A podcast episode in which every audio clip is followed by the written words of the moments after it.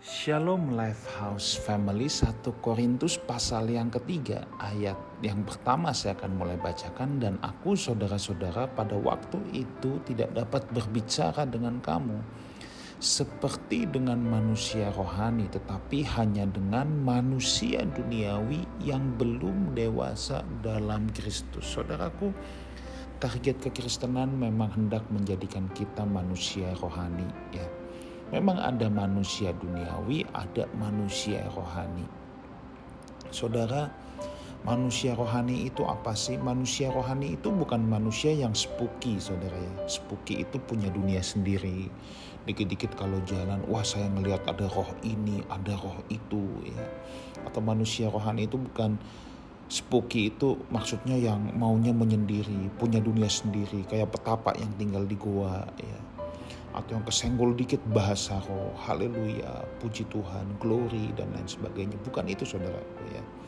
Tetapi manusia duniawi atau manusia rohani ya, yang membedakan tuh ini, manusia duniawi itu belum dewasa dalam Kristus, sedangkan manusia rohani adalah sudah dewasa dalam Kristus. Makanya tadi Paulus berkata, aku hanya bisa berbicara kepada kamu seperti kepada manusia duniawi yang belum dewasa di dalam Kristus.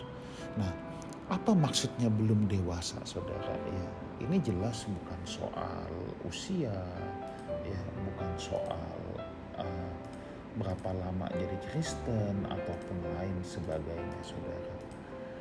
Tetapi tapi ini masalah apakah kita sanggup melihat perkara-perkara rohani yang sedang Tuhan kerjakan dalam hidup kita. Nah, itu yang sejatinya membedakan, saudara. Jadi manusia rohani itu bisa melihat peristiwa-peristiwa rohani yang terjadi dalam hidupnya. Dalam semua keadaan, apakah dia sedang menderita, apakah dia sedang diberkati luar biasa, dia selalu bisa melihat hal-hal yang rohani di balik itu semua. Sebab pandangan dia adalah apa yang bisa membuat dia semakin bertumbuh dan semakin serupa dengan Kristus. Jadi persoalannya sudah bukan pada penderitaan ataupun berkat ataupun kelepasan, kelegaan, tetapi apakah dia bisa melihat apa yang Tuhan sedang kerjakan dalam hidupnya. Kalau manusia duniawi beda saudara. Kalau manusia duniawi melihat penderitaan, ya susah nih, susah nih. Aku lagi begini, aku lagi begitu. Tapi kalau manusia rohani ketemu dengan penderitaan, dia melihat di balik segala sesuatu. Nah ini kan yang membedakan saudara ya. Nah kalau manusia duniawi ketika diberkati materi luar biasa, pikirannya pasti langsung bagaimana aku menyenangkan diriku. Udah stop, tok sampai di sana.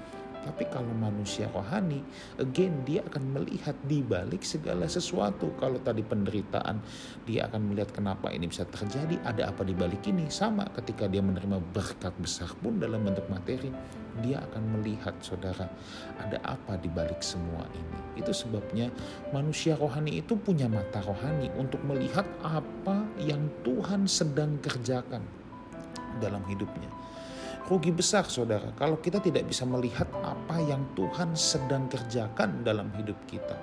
Makanya cara pandang kita itu pasti berbeda kalau kita berjalan di jalannya Tuhan. Sebab kalau kita berjalan di jalannya Tuhan, kita harus mengenakan matanya Tuhan, ya. Baru kita bisa memandang seperti Tuhan memandang. Kita baru bisa jadi kuat, kita tidak jadi lemah. Yang kata Alkitab bilang, berjalan makin lama makin kuat, bukan jadi letih lesu, saudara. Sebab apa pun yang kita lalui, baik himpitan, baik kelegaan, kita tidak melihat himpitan atau kelegaannya, tetapi kita melihat di balik sesuatu itu. Saya berdoa Lifehouse Community kita semua menjadi manusia rohani yang selalu merenungkan dan mencari tahu apa yang Tuhan sedang kerjakan di balik semua peristiwa hidup yang sedang kita alami. Tuhan Yesus menyertai kita semua. Amin.